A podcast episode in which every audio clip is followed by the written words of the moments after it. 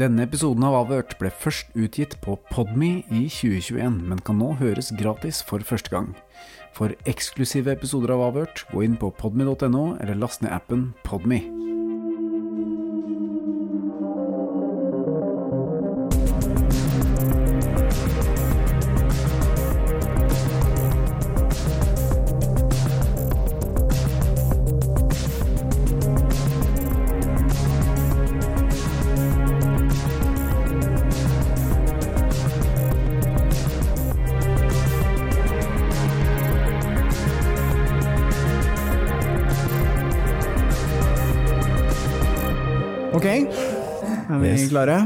Klare. I dag har vi fått besøk av eh, en som eh, mange av våre lyttere sier at eh, deres favorittkarakter er den personen her, og han har klippekort hos eh, Avhørte-redaksjonen. Han har vært her et par ganger tidligere i julekalenderen, og så har vi gjort en eh, episode tidligere med gamle røverhistorier. Mhm. Vi snakker selvfølgelig om Jonny Haglund, fotograf og eventyrer med over 30 års erfaring. Og det er vel en del av lytterne våre også som har spurt om hvorfor han ikke har sin egen podkast. Kanskje vi skal begynne med det spørsmålet, Helge? Kanskje det?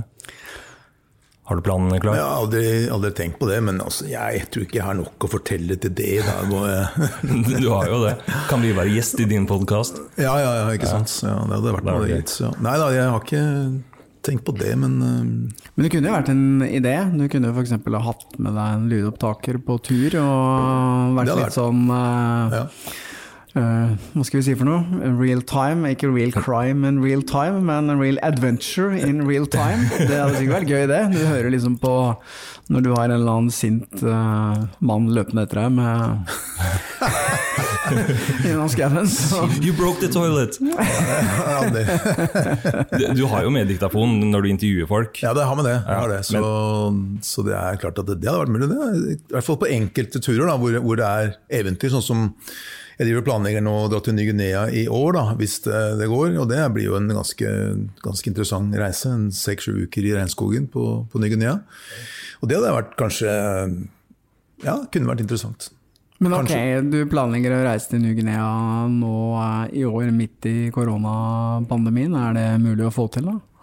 Ja, altså, nå er jo alt avhengig av hvordan Indonesia og om de åpner, og, og liksom, det er det det står på, da, egentlig.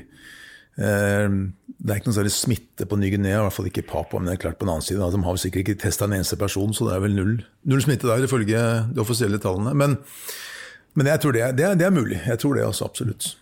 Men det er ikke første gang, du har jo vært der eh, tidligere. Var det ikke sånn at en av de første turene du tok faktisk var i regnskogen Ja. på Papua Ny-Guinea? Jeg mener jo, altså, Papua Ny-Guinea er jo kanskje en del av øya. da. Så det heter jo, eh, Ny-Guinea heter øya, ikke sant? og så Papua heter den delen av øya som tilhører Indonesia, og tidligere ble kalt for Irian Jaya. Og jeg var der første gang i 1990. Eh, Det var, da var jeg ung og sprek og vakker, og da dro jeg innover der i gikk det tre-fire uker. Og, og jeg husker eh, den der, altså, møtet med stammefolk, altså, hvor vilt det der var. Altså. Og jeg kom tilbake inn i 1994, og da dro jeg ut på en Da planla jeg jo ting i god tid i forvei, og med mat og alt mulig, og var borte i 42 dager. Gikk oss til med vill og greier. altså. Det var den første reportasjen jeg skrev faktisk da, for, eh, for Vi Menn, og det var liksom på en måte min vei inn i det livet jeg lever nå. Så det jeg tenkte nå, er også ta den turen som jeg gjorde da, en gang til nå. For å se altså Den gang så var jo misjonærer, veibygging var jo på, på vei. Misjonærer har vært der i, i mange år. Hvordan har de påvirka stammefolket? Hvordan, hvordan er regnskogen nå, så lenge etter? Jeg tror det har skjedd store forandringer. Også Misjonærene de har jo kjempa der. Katolikker protestanter har jo nesten slåss om å få omvende disse stammefolket, disse stammemenneskene. der. Og om å gjøre å få omvendt flest og få dem til å ha på seg bukse. For de går jo i penisfutteral oppe i eh, fjellene, og så går de med sånne små blader foran eh, penis nede i jungelen der. Og det er jo selvfølgelig en uting, vi vi følge, følge Bibelen. Og disse misjonærene har jo slåss om å få disse her til å bli siviliserte. da. Så jeg er redd for at de har påvirka en god del. Eh, men jeg tror det fortsatt er mennesker som lever ordentlig vilt inne i jungelen der. Og også kanskje den, de jeg møtte den gang, kanskje fortsatt er ganske primitive i forhold til vår, vårt levesett. da. Du møtte jo, Et av dine første bilder som var på trykk, var jo av en mann som står med det penisføderalet og leser Vi menn. Ja, ja, stemmer det. For at, eh, jeg dro dit først, eller Andre gang jeg var der, så tenkte jeg at eh, det hadde vært gøy å selge noen bilder når jeg kom hjem. ikke sant? Så, men da tenker jeg hvilket blad Norge kunne tenke seg å kjøpe noen sånne bilder fra dette her. Og da var selvfølgelig da Vi menn. ikke sant? Dette er jo litt macho greier. Og så tok jeg med et Vi menn-blad, og så fikk jeg han til å se på det. Men det som var interessant, jeg tenkte bare å få noen bilder av han, at han leste det. Men han blei veldig opptatt av det, vet du, fordi han så noe han ikke har sett før. Han så hvite pupper. Ja. Og så, ikke sant, Alle går jo toppløse der, damene. Men her var det hvite pupper. Det syntes han var fascinerende. Hus og biler og snø, det var ikke så interessant. Men pupper som var hvite, det var eh, Der kan du se, altså. Uansett ja. hvor man drar i verden, så er det én felles ting som fascinerer alle menn. Men eh, tenk om han er i live, da. Tenk om han er i live. Jeg skal besøke den landsbyen han bodde i, så skal jeg ta med bilder. Jeg skal printe ut en del av de bildene jeg tok, og så skal vi se om jeg Ja, det er tøft. Eller, eller barna hans, eller barnebarna. Ja. Kan du få de til å stå med penisføteralet og nyere utgave av Vi? Men du, eh, fortell litt om eh, Jeg kjenner jo ikke så veldig mye til Papua Ny-Guinea, og eh, jeg forestiller meg at det er vel ikke akkurat som å ta en eh, søndagstur i, eh, i marka i Oslo. Nei, Kan du fortelle litt om hvordan det er å, å reise dit og, og bevege seg i det området der? Ja, altså, det har jo vært eh, altså Papua, da, bare for, for, for å påpeke at Papua Ny-Guinea er et eget land, mens Papua det er da tidligere Indonesia. Det er den eh, ene delen av øya som jeg ønsker å besøke. Og Hvorfor jeg ønsker Papua, ikke Papua Ny-Guinea, er fordi at det, på Papua, jeg har vært der også, der er det det er litt farligere, og så er det langt flere skytevåpen. Eh, Altså På Papua Ny-Guinea så, så kan du gå i landsbyer, så er det ikke, ikke en fuglelyd. Fordi alle fuglene har blitt skutt. Se, jeg var der, så var det sånn, fortalte meg at det, ja, nei, vi jakter på alt som flyr og alt som beveger seg, skyter vi ned.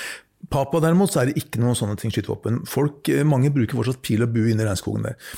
Eh, Men å gå, det er jo klart at det, det er tjukk jungel, og så er det fjell, det er høye fjell der. Punjab Jaya er vel over 5000 meter, blant annet på Papua. Så jeg skal ikke opp dit, da, men likevel det blir mye åser og fjell og dype daler. Og det snakkes jo vanvittig mange språk der, varianter av språket, fordi at eh, stammer har jo vært isolert i, i dalbunner og i områder i, sant, i mange, mange generasjoner. Så utvikler det seg et eget språk. Så det er et veldig vilt område. og jeg husker jeg intervjua en eh, antropolog en. Han var en, eh, en ganske fin eh, fyr. Han også Paul Taylor fra, fra USA. Han het, jeg. Han var som en av de mest kjente antropologene i for- tanke på Ny-Guineas stammeskikker. Han sa det at da den fløy over med sånn lite enmotorsfly over en liten ås, så sto det en, en gjeng stammefolk og skøyt etter dem med pil og bue. Jeg har sett de bildene. Er ikke det herlig? Ja. Er ikke det ganske herlig? Jeg tenker at ja, det, Og, det, og de vet jo ikke Det her er jo Da jeg møtte han, det, må være, det var i 2006. Så, så, og så ikke, enda, så Da visste vi ikke hvem var dette her. Så det, så det finnes hemmeligheter på Ny-Guinea enda, tror jeg. da, Håper det, da. Men i hvert fall det er det jeg har lyst til å finne ut av. da. Og så er det selvfølgelig da kannibalisme. da, Det er det som mange ønsker å vite mer om. da, ikke sant? Og i 2006 så hadde jeg en ganske lang uh, tur, men det var mer kan si, lavlandet da, på Ny-Guinea. Og da ble jeg fortalt, dette var da fra, fra flere kilder, at en medisinmann han hadde skutt usynlige piler inn i en annen stamme, slik at en dame døde. Det er sånn du kan gjøre. Og han ble da, ifølge de, den informasjonen jeg fikk, han ble skutt, også med pil og bue, og drept og spist av den stammen til hun dama, da. Som en slags straff. Ok, Så, de så- praktiserer kannibalisme fortsatt? Ja, altså, Jeg har jo aldri sett, og det har ikke vært noen som har tatt bilde av det heller, så vidt jeg veit, så, så hvorvidt det stemmer fortsatt, det, det er jeg ikke sikker på. Men, men dette her ble jeg fortalt av både, også en av en misjonær som bor der nede, som snakker stammespråket, faktisk, en hollender. Og av lokale folk som var med meg inn i regnskogen, da, som snakka med de som bor der. Så klart at det er et eh, sted hvor ting skjer. Men eh, samtidig da, så er det jo en amerikaner som har drivet arrangert turer inn på Papua. Og da har reklamert med at det opplev eller møt en stamme som aldri møtt hvite mennesker før. Så han dro med seg turister til en skyhøy pris, ikke sant? inn da i regnskogen. Og så møtte de da stammer som aldri har møtt hvite mennesker før. Og så, jeg, jeg, har ikke, vet ikke, det, det må ha vært en, jeg tror det har vært en, en, en fake eller greie, altså at han arrangerte for det. du kan ikke, Det er ikke sånn at du går inn der også, den bor der borte. Altså, det er ikke sånn det er. ikke sant? Men det er, den forretningsideen høres jo litt håpløs ut, for hvis du skal uh, leve opp til det, så må du finne en ny stamme. Ja, det er det. eneste det blir jo, en, en dag må den uh, businessen uh, gå over, for å si det sånn. Men, men, det er mye rart som har skjedd på Ny Guinea. Jeg også husker Da jeg var her sist gang, i 2006, så var det da en fortalte meg disse lokale folk at det hadde kommet en gruppe nudister. For de går nesten nakne. De har litt sånn blad bare. og så har de, Det er forskjellig fra stamme til stamme, men et blad foran snurrebassen. Og så med en liten nøtt også. Et sånt nøtteskall da, som en dekker denne her. Å ja, sånn kokosnøttbikini. Ja, sånn der, ja, liten, ja, sånn der, ja, som en liten, liten kokosnøtt. Den lille, den lille greien der er ganske viktig for dem. Så kom det en gruppe nudister, for de tenkte at her går folk nakne, her skal vi gå nakne òg, for det er Fri og Frank og, og tjo her. Som gikk inn der da nakne. Men det støta de innfødte voldsomt. Eh, Fordi at de ikke hadde den der lille dek tildekningen. ikke sant? Så, så, så, det er mange raringer som har kommet dit. Så tenker jeg altså, Du drar inn i regnskogen. Det er et av de mest malariafarlige stedene i verden.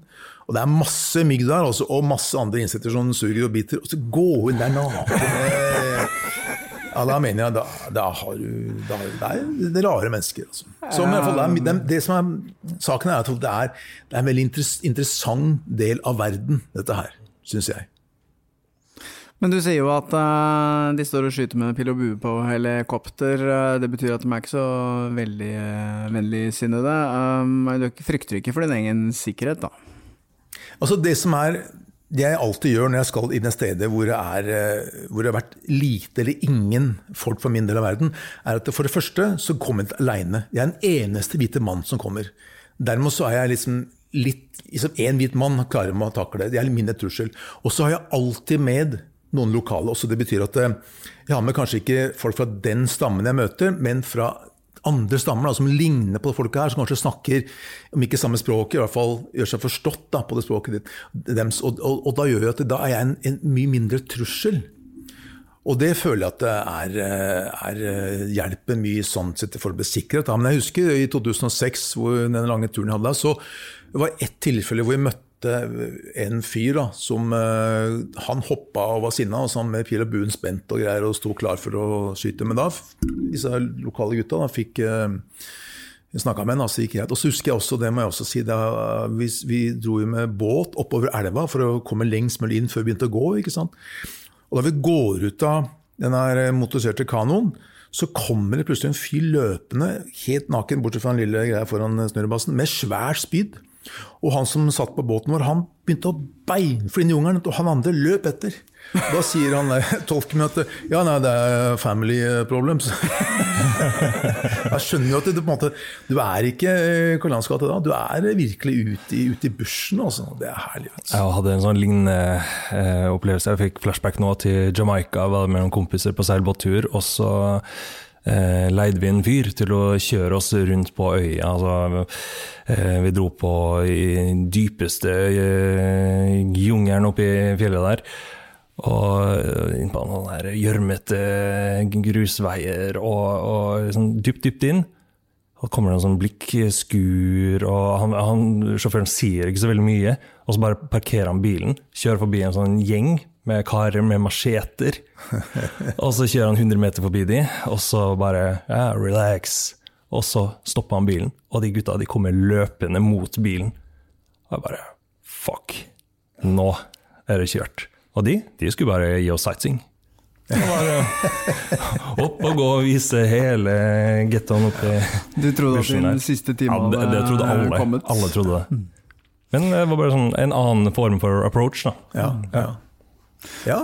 Men det er sikkert mange som hører på som eh, drømmer om å reise litt rundt omkring i verden og oppleve noe annet enn eh, paraplydrinker og sandstrender. Kanskje du kan eh, gi noen gode råd om hvordan du skal ja, hvordan du skal gjøre det da, for at det skal bli vellykket? Ja, altså Det er noen sånne ting jeg tenker på veldig, og det er alltid bruke lokale folk. Altså Jeg booker aldri noe gjennom et svært internasjonalt selskap. Det er fristende noen ganger, det men det er litt dyrt. Altså, men, men, da har de liksom, de ordner alt fra fly herfra, hoteller og alt mulig. Men det som er, jeg, jeg foretrekker at mine penger går til de som bor dit, der jeg skal. Jeg, så Det er noe jeg alltid gjør. Leier bil, leier tolk, leier kjentmann. Eh, altså hva som helst der nede. Det er veldig viktig. Også i tilfeller hvor det kan være farlig, da, sånn som jeg reiser i Kongo for eksempel, og Tsjad, hvor det kan være et risiko, Sudan og sånt, så prøver jeg alltid å få med meg en lokal fyr fra de landsbyene jeg kommer til. fordi at når du gjør det, så, så er det en som ikke kan snakke engelsk, eller hva som helst, altså man kan kommunisere med min tolken, så betyr det at han kjenner sånn kulturen på det stedet. Selv om tolken min kommer fra i Sudan, Khartoum, så kjenner han ikke kanskje hvordan kulturen er i landsby 100 mil unna. Men det gjør den personen jeg leier derfra. Og betaler den personen litt penger, og så er han med oss, og så kan han forklare liksom hva er det jeg gjør for noe her? Og, og, og, og det som jeg har sagt før også, folk elsker å snakke om seg sjøl. Bare hør på meg nå. ikke sant? Og, det er det viste etter menneskene møter. At jeg er her for jeg er interessert i deres liv. Og selv om jeg har møtt folk jeg, som i utgangspunktet er banditter og rare, også til og med korrupt politi og alt mulig, men så begynner jeg å snakke med dem, og så spør jeg viser, vise interesse for deres liv, og så legger de ned pistolen eller 'Å ja, nei, altså, nå skal jeg gjøre det her', vet du, sånn og sånn og sånn, og så prater de. Så folk blir veldig åpne hvis du kommer med en genuin interesse for deres liv. Å komme som turist med kompaktkamera og klipse av vei, det, det, ja, det er eh, skal være litt forsiktig med det mange steder. Mm. Når du, du, har reist verden rundt og møtt vanvittig mange folk. Eh, og det som mange gjør da, når de møter, møter folk på tur og blir liksom venner og sånn, så sier de sånn uh, When you eh, come to, If you come to Norway, look me up. Har du opplevd det? Har mannen med penisfuturale kommet opp? Stått på Gardermoen! Stått på Gardermoen. Johnny, hvor er har, har, du opplevd noe sånt? Nei da, jeg har ikke det. Jeg er litt forsiktig med å si det, det også, for du veit aldri. Jeg har jo gitt bort telefonnummer og e-mail til enkelte, men selvfølgelig ikke, ikke jungelen på Ny-Guinea akkurat. Men, men, når folk har kontakta meg, det har de også, og det er greit nok. Men å si at eh, hvis du kommer til Norge, så kan vi møtes, den jeg, altså jeg veit at eh, verden er ikke større enn at plutselig så står den på, som du sier, på Gardermoen. Så jeg sier ikke det også. Men det jeg gjør ofte, jeg sender bilder til dem som jeg har tatt, og, så, og det kan ta litt tid, men de, de kommer som regel fram. Også. Og det er veldig stas når du da kommer tilbake dit seinere igjen, kanskje tre-fire-fem år etterpå. Og, så, å, det er du som heter bildet! For det er, det er faktisk mange som gjør det også. Det med, møter jo tolker eller kjentfolk som har måte, hatt mange turister, og det er bare et fåtall som sender bilder tilbake igjen.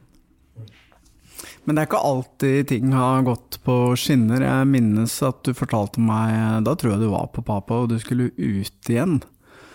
Og eh, veiene var plutselig bare borte pga. regn, og du var stuck ja, i landsbyen. Det var, vel, ja, det, det var ikke bare bare det, var det? Nei, da, det er jo det har skjedd flere steder, det, også, også i Sudan, hvor jeg var ute i ørkenen. og det bare det, Veldig fint område med sånne seminomader. og så Tok masse bilder, og så kom det en, en storm, da, en skikkelig sandstorm.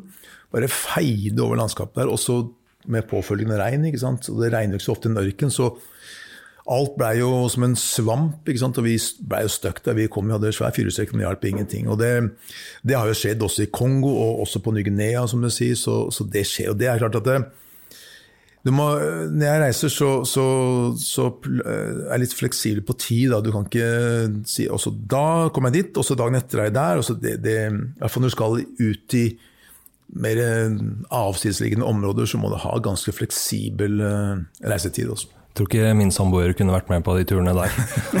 Der skal være lina opp og klart. Men jeg vet jo at du har noen eh, tanker rundt dette her med å reise på den måten du gjør, og eh, at det nesten er litt sånn eh, en filosofi, da. En livsfilosofi. Du har jo et litt sånn spesielt syn på det. Altså, de fleste av oss syns jo det er ok å sitte varmt og godt hjemme i sofaen med med kaffen eller kakaoen eller whatever, og opplever minst mulig ubehag. Du er ikke der. Nei, jeg er ikke det i det hele tatt, og det mener jeg de fleste nordmenn, eller alle nordmenn burde oppleve det motsatte. for hvis du sitter i en sofakroken kveld etter kveld, så, så ja, det er ikke morsomt lenger. Det er ikke, du setter ikke pris på det lenger da, for da er det er en selvfølge.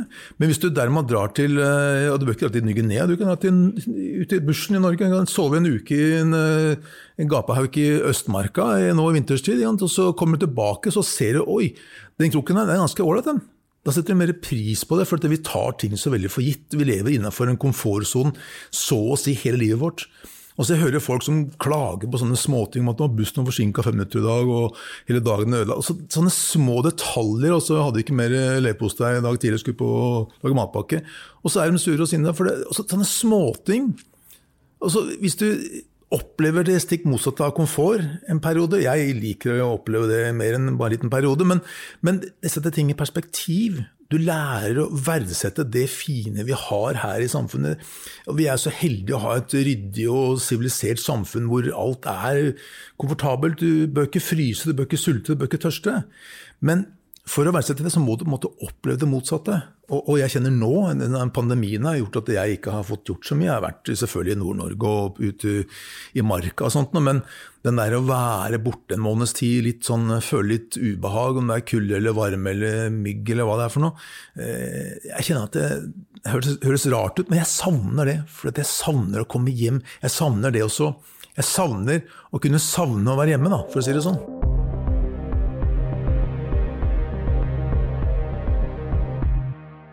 Men eh, du skal på tur nå, skal du ikke det? Du eh, planlegger tur Ja, til jeg Nord-Norge? drar av gårde nå til eh, neste uke til eh, Senja. Jeg skal mm, bo eh, i en fraflytta bygd ute eh, i havgapet. Det blir, eh, det blir stas. Jeg gleder meg til det, faktisk. Og så skal jeg være med noen fiskere ut på havet i januar. Det er jo også, kan det bli interessant for en bygutt som meg. Og så være på sånn 12-13 timers økt ut på fiske. Ja. Men jeg, altså, jeg, jeg gleder meg som en unge. Det er jo dette her jeg lever for, da. En, en fraflytta bygd. Ja, altså Jeg ble kjent med et ektepar eh, som nå bor i Tromsø, men som da kommer fra Senja begge to. Og de har en, eh, et hus i en eh, liten eh, fraflytta bygd på eh, en fjord på Senja. Og de lurte på om jeg hadde lyst til å bo der en, eh, sammen med dem en ukes tid. da. Så det kan bli interessant. Ja. Hvor lenge har det huset for eksempel, vært fraflytta der du Ja, skal bo? altså, Det er jeg faktisk ikke sikker på, men de sier at det huset er visst 100 år gammelt. og Det har visst ikke vært rydda der heller siden det ble bygd, så det skal bli interessant å se hva som er inni der. Men eh, ja, det er så, som jeg har sagt før også, så det er morsomt å dra til Ny-Guinea, og Kongo, Brasil og alt mulig. men men du finner også eventyr i, i, i, eh, i Norge, så absolutt. Og dette med mennesker òg, vi snakka litt her i, stille i dag om en jeg kjenner her i Oslo, eh, som jeg ble kjent med for halvannet år siden. Willer, Bror Willer, tidligere lege. og, og så, Sånne mennesker som han, er en eh, ja, veldig, veldig spesiell karakter. Og jeg tok noen bilder av han da denne pandemien starta i mars. Å være sammen med han og så, Han tenker helt annerledes enn de aller fleste nordmenn. Og det er moro å møte mennesker som han, syns jeg. Ja, vi var jo med på eh, en liten fotosession Ja. nede i gata her i, i mars eh, i fjor, så vi kan jo høre litt på det. Er du forsiktig når du går i trafikken, eller? Forsiktig, gå i trafikken. Jeg reiser verden rundt og har vært i krigsområder og vært i Kongo, inne i tjukkeste jungelen der med militser og alt mulig. Blitt bitt av slange et par ganger og edderkopper og alt mulig. Skal jeg dø, skal jeg i hvert fall ikke dø i et lyskryss i Oslo, for det går på rød mann. Det skal jeg ikke. Ja, det mener jeg, Willy. Er du ikke enig? denne her eh, plutselige stengningen i Oslo. Ja. Folk har sammenligna det med, med 9. april. Ja, det er akkurat det. På skal vi se, i dag, i dag er det torsdag. Eh, var det mandag? Var det begynt, tror jeg? Mandag. Så møtte jeg en gammel dame. Hun var 94 år. og sammen med sønnen sin. Hun hadde bare bedt sønnen hennes ta henne med til byen, for hun ville se hva som skjer. Og så fortalte hun Jeg kom i snakk med dem sånn tilfeldig på Oslo S. Hun sa til meg at dette minte henne om Oslo da hun var liten jente, og det var krig i Norge. Ja vel, ja vel. Atmosfæren var den samme, mente ja. Så det Det er jo det. Ja, det er det. Jeg ble kjent med Bror Willer fordi jeg skulle lage en reportasje om den såkalte Morgenpilsens venner. da. Og da fant jeg Bror Willer, for han, eh, han kan ta seg en pils eh, tidlig om morgenen. Sitter på en pub eh, på, I Trondheimsveien er det vel en pub som han sitter på. Ja, men også, ok, Før de går på jobb, eller? Ja, eller går de på altså- jobb? Kanskje ikke gjør det. Jo da, jo da altså jeg, jeg var inne på den puben her og snakka med Willer, og ble kjent med andre også, og flere av dem jobber jo. Klart, eh, Noen av dem eh, skulle ikke på jobb da, de skulle på jobb på kvelden, eller hadde jobba natt til den dagen. Men de starter morgenen da med en pils, og det gjør også Willer innimellom. Og Det var sånn jeg ble kjent med han. da, og Willer han er jo utdanna lege og jobba som doktor, men for det er 30 år siden nå, så kjente han at han ikke Det var ikke et yrke som, som, som han følte seg komfortabel i. da, Så han slutta som det. Så han har gitt ut noen bøker, blant annet, og han skriver dikt. Men han er veldig glad i å ta seg en øl både morgenen og kvelden, for å si det sånn. da, så da dette her skjedde med denne pandemien starta, og det var snakk om å stoppe skjenkinga, så var det for han mye verre enn så tanken på å bli smitta av korona. fordi at eh, hans sosiale liv det er på kveldene eller på morgenen når han sitter på en pub, tar seg en øl sammen med venner. For hans, altså, hans sosiale liv måtte ble borte da de stengte ned for skjenking i Oslo. Og han har vel hatt litt trøbbel etter det også nå. Jeg snakka med han eh, for ikke så lenge siden, eh, og han eh, Ja, han syns det er vanskelig nå. Han syns det. Fordi at det som han har gjort i 30 år, det sosiale livet hans, har på en måte blitt bare borte da med denne her pandemien. og Han er jo veldig glad i å snakke med mennesker, møte mennesker. Han sitter jo ofte på en pub og så skriver han dikt mens han sitter der, og så skriver han dikt om de som sitter rundt den. Og så gir han diktet til dem før han går. Det er ganske morsomt. Og folk eh, reagerer på Noen blir jo ja, ja, bare, det er ikke så viktig, men så andre syns det er veldig interessant og det er gøy og ler godt, da, for han er ganske flink. Han har en veldig god penn. vet du. Han er en oppegående fyr. vet du. Han er jo smart som pokker. ikke sant? Så, men nå er dette her borte for ham, og det, måte, det var hans viktigste ting i livet, og det er nå blitt borte pga. pandemien og nedstengning og alt det der. sånn, så...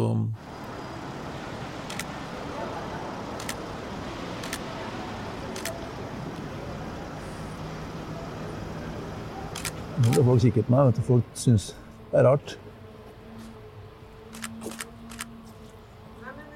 Det er greit.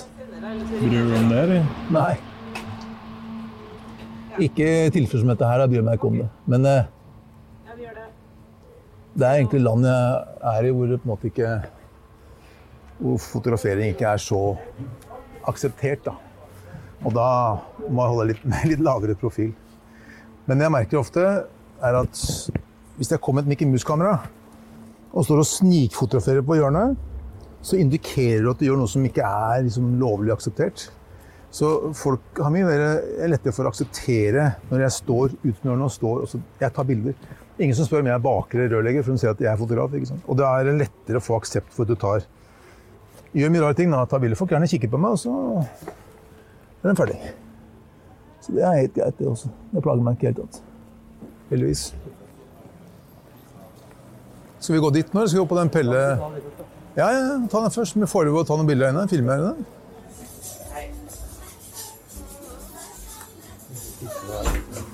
Du føler deg frisk, eller Det er ikke det? Ja, så frisk nok. Frisk nok, ja. Ta en øl, så går det over. Det blir bra. Ja, nei, altså det, det har vært et, et, et slit å jobbe med det, altså. Det har vært det. Med, med pubstillinga. Det har vært uh, altså vanskelig. Jeg Jeg har jo liksom, altså, gått på byen hver dag i, i 30 år. Ja. Og så må jeg altså, gå hjem klokka ni. det er første gang du har opplevd det på de 30 åra? At det har vært sånn som det er? At det Ja, stenger så tidlig og du ikke kan sitte inne? Ja, nei, det, det er ikke lett. Har tatt av deg i foredragssammenheng, og folk syns det er veldig interessant. Også. Folk syns det er spennende, fordi at eh, du lever et liv som, som de færreste gjør. Og så Det som jeg, snakka om forrige gang, du, du kjenner jo folk fra de fattigste til de rikeste i byene. Du har liksom hele spekteret, mens de fleste er liksom inne i ett miljø, mens du er på en måte har hele Så du er jo litt unik. Vet du. Det, det, konseptet da, Nå prøver jeg å skrive et dikt om det bordet. Ja, det er så herlig. Det er så bra. Altså. Første gang jeg møtte Wyller, så fikk jeg dikt i hånda. Fikk jeg fem-seks fem, seks papirer, og da hadde de skrevet dikt til meg. Ganske morsomt. Jeg har det hjemme, men jeg husker ikke akkurat nå. Jeg er ikke Du tok jo bilder av um, bror Viller der. Uh, var det ikke sånn at du har blitt eh, vunnet en konkurranse eller noe sånt med dem? Ja, altså disse bildene, Et par av bildene er faktisk i, det er noe som heter Travel Photographer of the Year, og der er de bildene i, i finalen. da, Jeg vet ikke om det om de vinner. Jeg skulle gjerne gjort, ønske at de vinner, selvfølgelig, Ja. men eh, de er i hvert fall der, da, så vi får se. da. Ja, for det var veldig kult. Du, tok, du sto på utsiden av på en kafé, og så sitter bror inne, Ja. og så er det eh, eh, refleksjonen som fanger en, en, en litt sånn tilsvarende karakter da, som sitter på utsida. Riktig, riktig. riktig. og så bruker jeg en blits på han Bror Willer, så jeg får frem ansiktet hans. og så Han syns veldig godt, da, og så får du refleksjon eh, i vinduet da, fra det som skjer på utsiden av gata, da, for å skape en stemning at du sitter på en pub i Oslo sentrum. Ja. Kan vi legge ut det bildet på, eller, kan vi legge ut det bildet på Facebook-siden, kanskje? Ja, ja, ja, det kan vi få til Folk kan se. senere.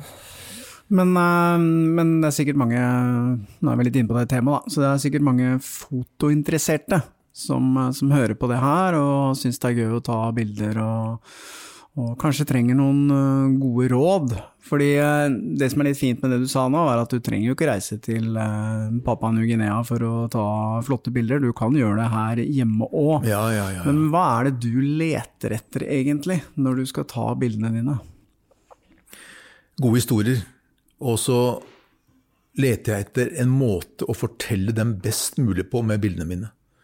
Det er det aller viktigste, syns jeg. For jeg er jo en historieforteller, det jeg driver med. Andre driver med portrett, reklame eller hva det måtte være. Så, men jeg liker å fortelle historier med bildene mine, og det er det jeg ser etter. Og Bror Wyller han er en god historie i seg sjøl, og derfor så var det viktig for meg å få fram hans karakter på de bildene. Og så tenker jeg at når du som fotograf så det er veldig bra å få innspill fra mange andre, og, se på blader og andre bilder og høre på fotografer sånn som meg skravle nå, men til syvende og sist så mener jeg det er veldig viktig at du lar ditt uttrykk skinne gjennom på bildene. At du forteller historien med dine bilder, og hvordan du oppfatter at et godt bilde skal være.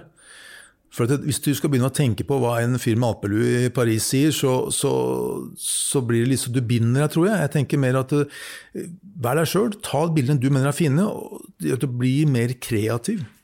Tror jeg, da.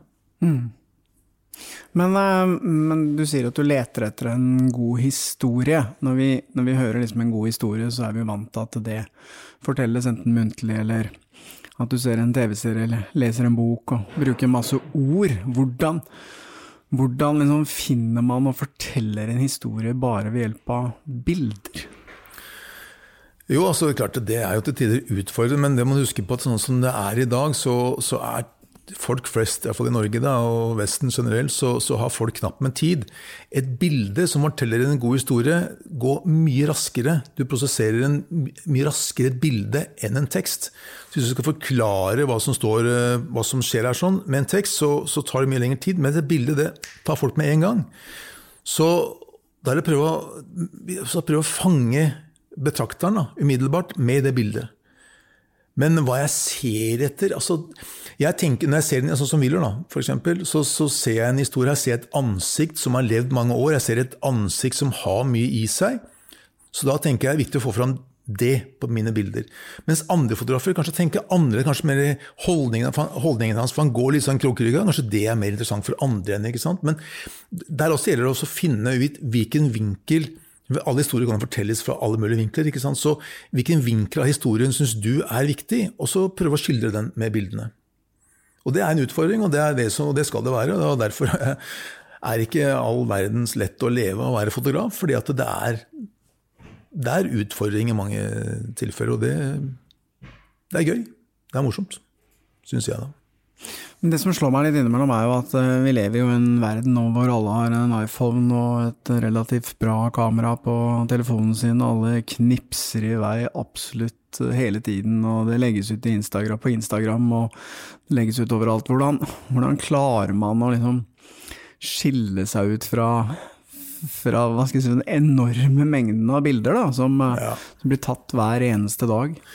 Ja, jeg, jeg ser den også. Den er vanskelig. Men, men jeg, tenker sånn For 30 år siden, da. eh, sammenlignet med 30 år siden og nå. Jeg ser ikke noen flere gode bilder nå enn jeg gjorde for 30 år siden. Jeg ser flere bilder, jeg, for det er bilder overalt. Men jeg ser ikke noen flere gode bilder. for det, ofte så, iPhone har jo sin begrensning, ikke sant, disse her mobilkameraene. Men eh,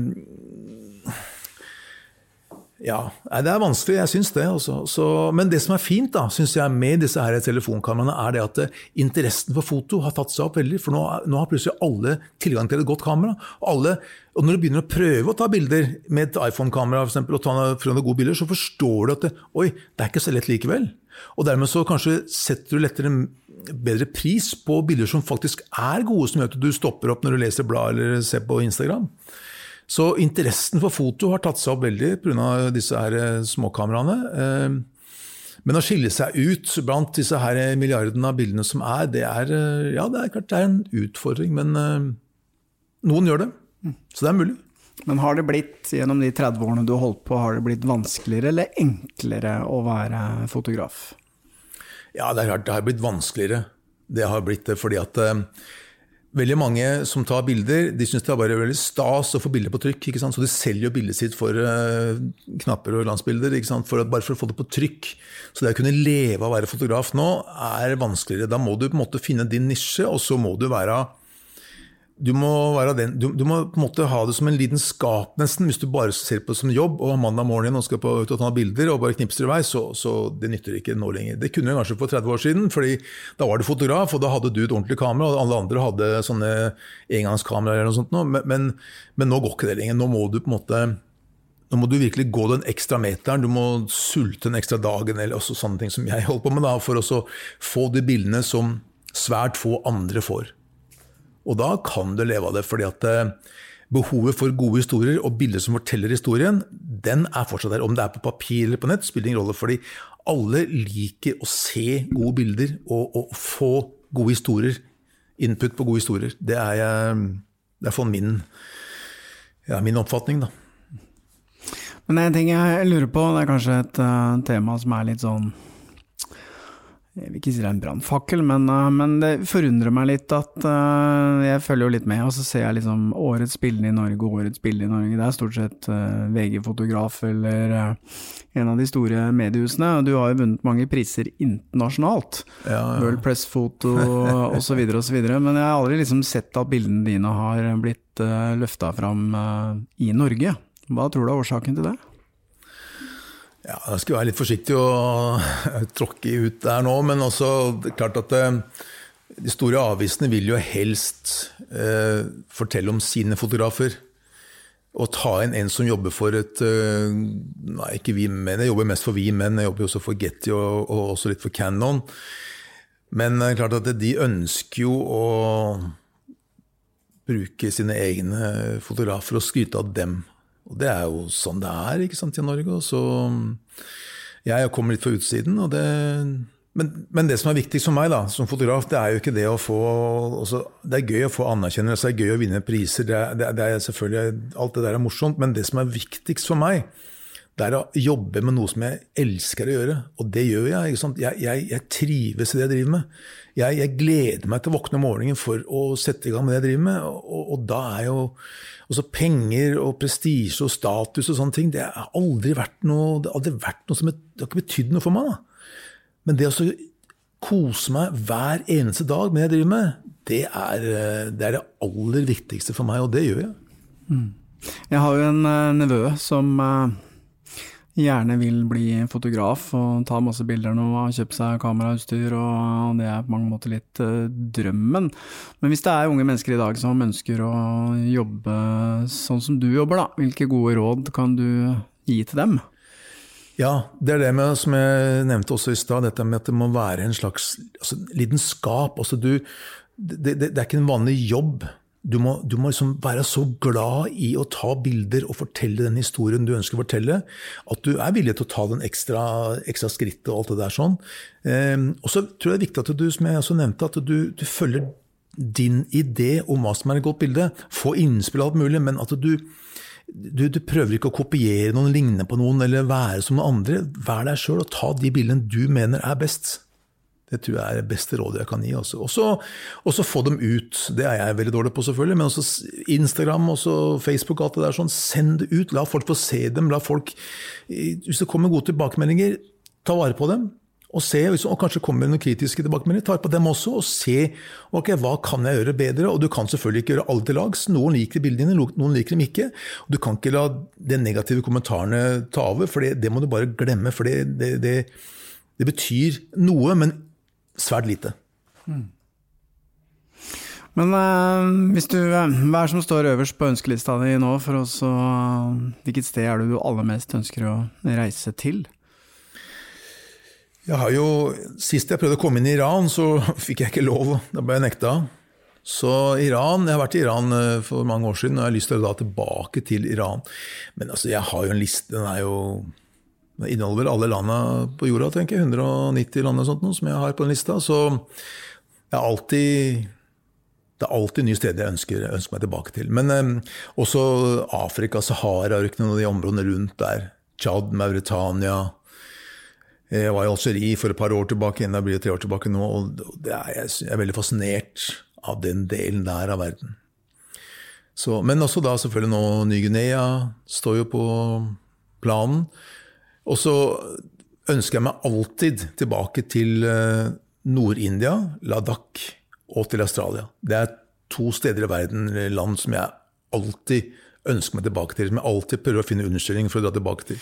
Men aller først så er det altså Papua New-Guinea. Når er det du tror du kommer av gårde dit?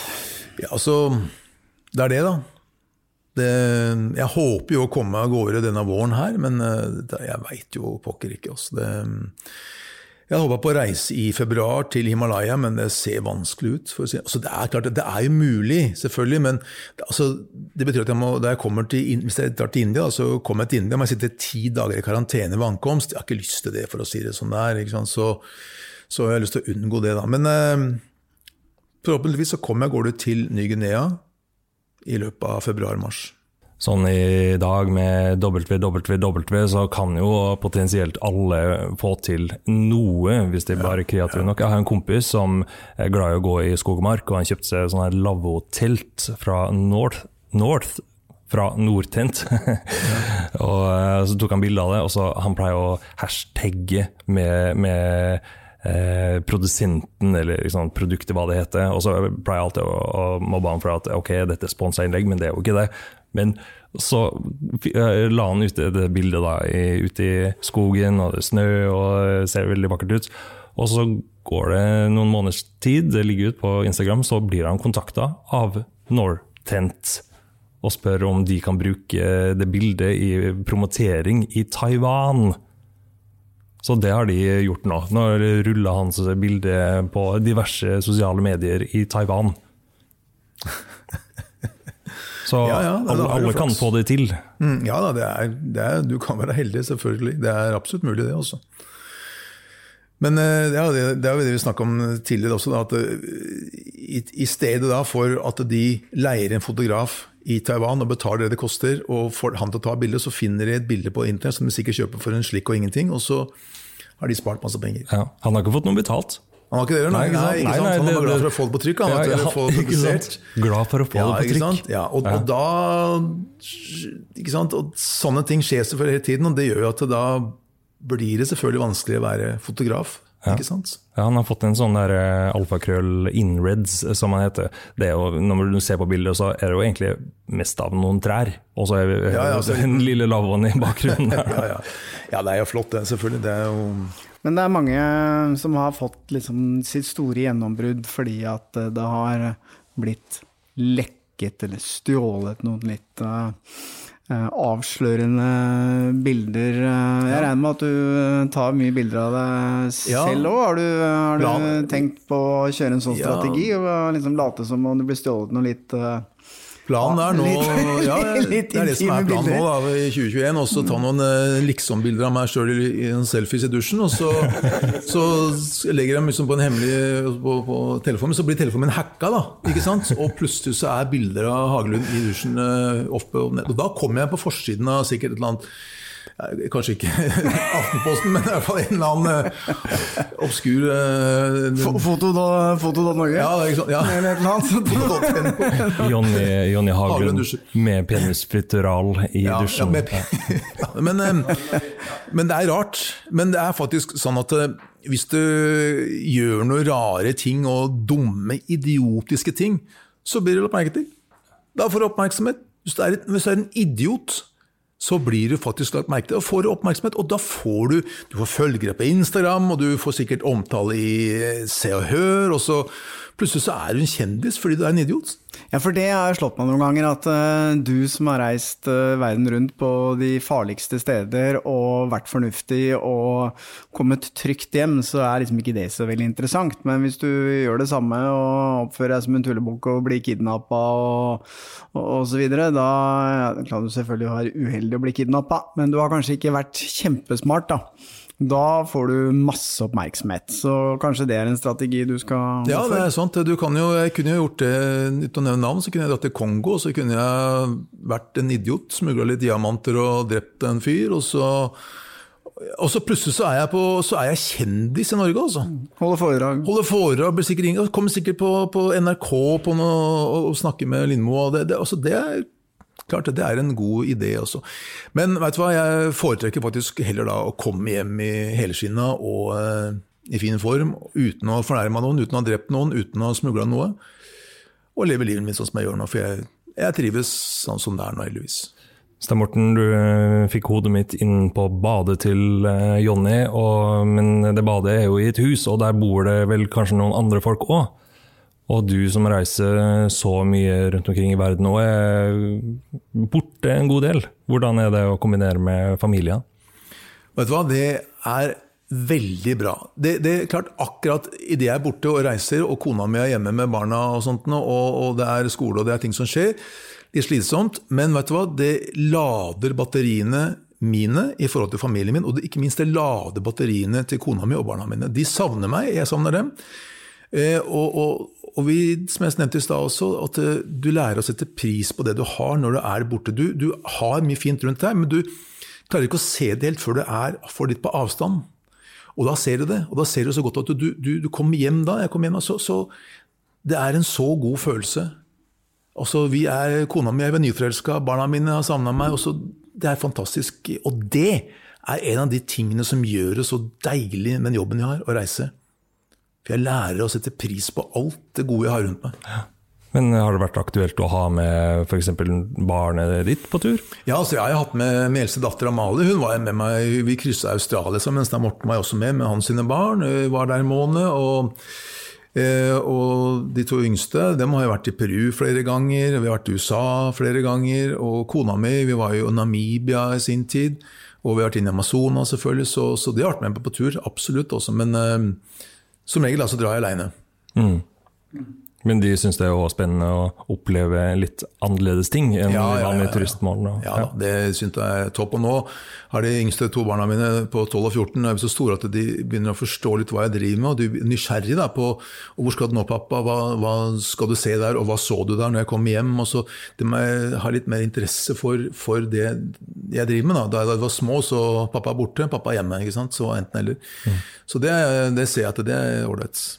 Det liker jeg. Etter å ha sittet og hørt på deg nå, så, eh, så tenker jeg at uh, mye av det du prøver å formidle, er jo at det å, å reise og komme seg ut i verden og oppleve litt ubehag osv., det setter livet litt i et ja, Man får litt perspektiv over livet sitt, da. Ja. Man uh, lærer seg kanskje til å sette litt mer pris på de tingene man har, og bli litt mer takknemlig, kanskje. Ja, altså, jeg må nevne en kort historie. da. Jeg møtte en som heter Archie Miller. Han, eh, jeg var i Canada, nei, Alaska for eh, ja, fem-seks år siden. Og så langt inn i ødemarken så møter vi en fyr. Pelsjeger også. Han har bodd der i 40 år. Pelsjeger i Alaska, med langt skjegg og det som hører til. Og han veldig hyggelig, inviterte oss til hytta si. Han hadde 18 små hytter, han drev med blant annet. Og så sier han at eh, han var gift, han. Han var gift, ja. Og han var lykkelig gift. For han så kona si bare én gang i året da han dro inn til Fairbanks for å selge skinnene sine. Han var så lykkelig gift. Altså, ja, selvfølgelig var han det. Da han kom dit, så var det, da var det julaften hver gang. Altså. Takk for at du kom, eh, Jonny. Ja, God takk tur. Takk for å få være her. Hyggelig. Avhørt er produsert av Batong Media. Redaksjonen består av Stein Morten Lier, Helge Molberg og Lars Christian Nygårdstrand. Temamusikken vår er laget av Altered States, og du finner oss på Facebook som Batong Media. Hør eksklusive episoder av Avhørt på Podme. Gå inn på podme.com, eller last ned appen Podme.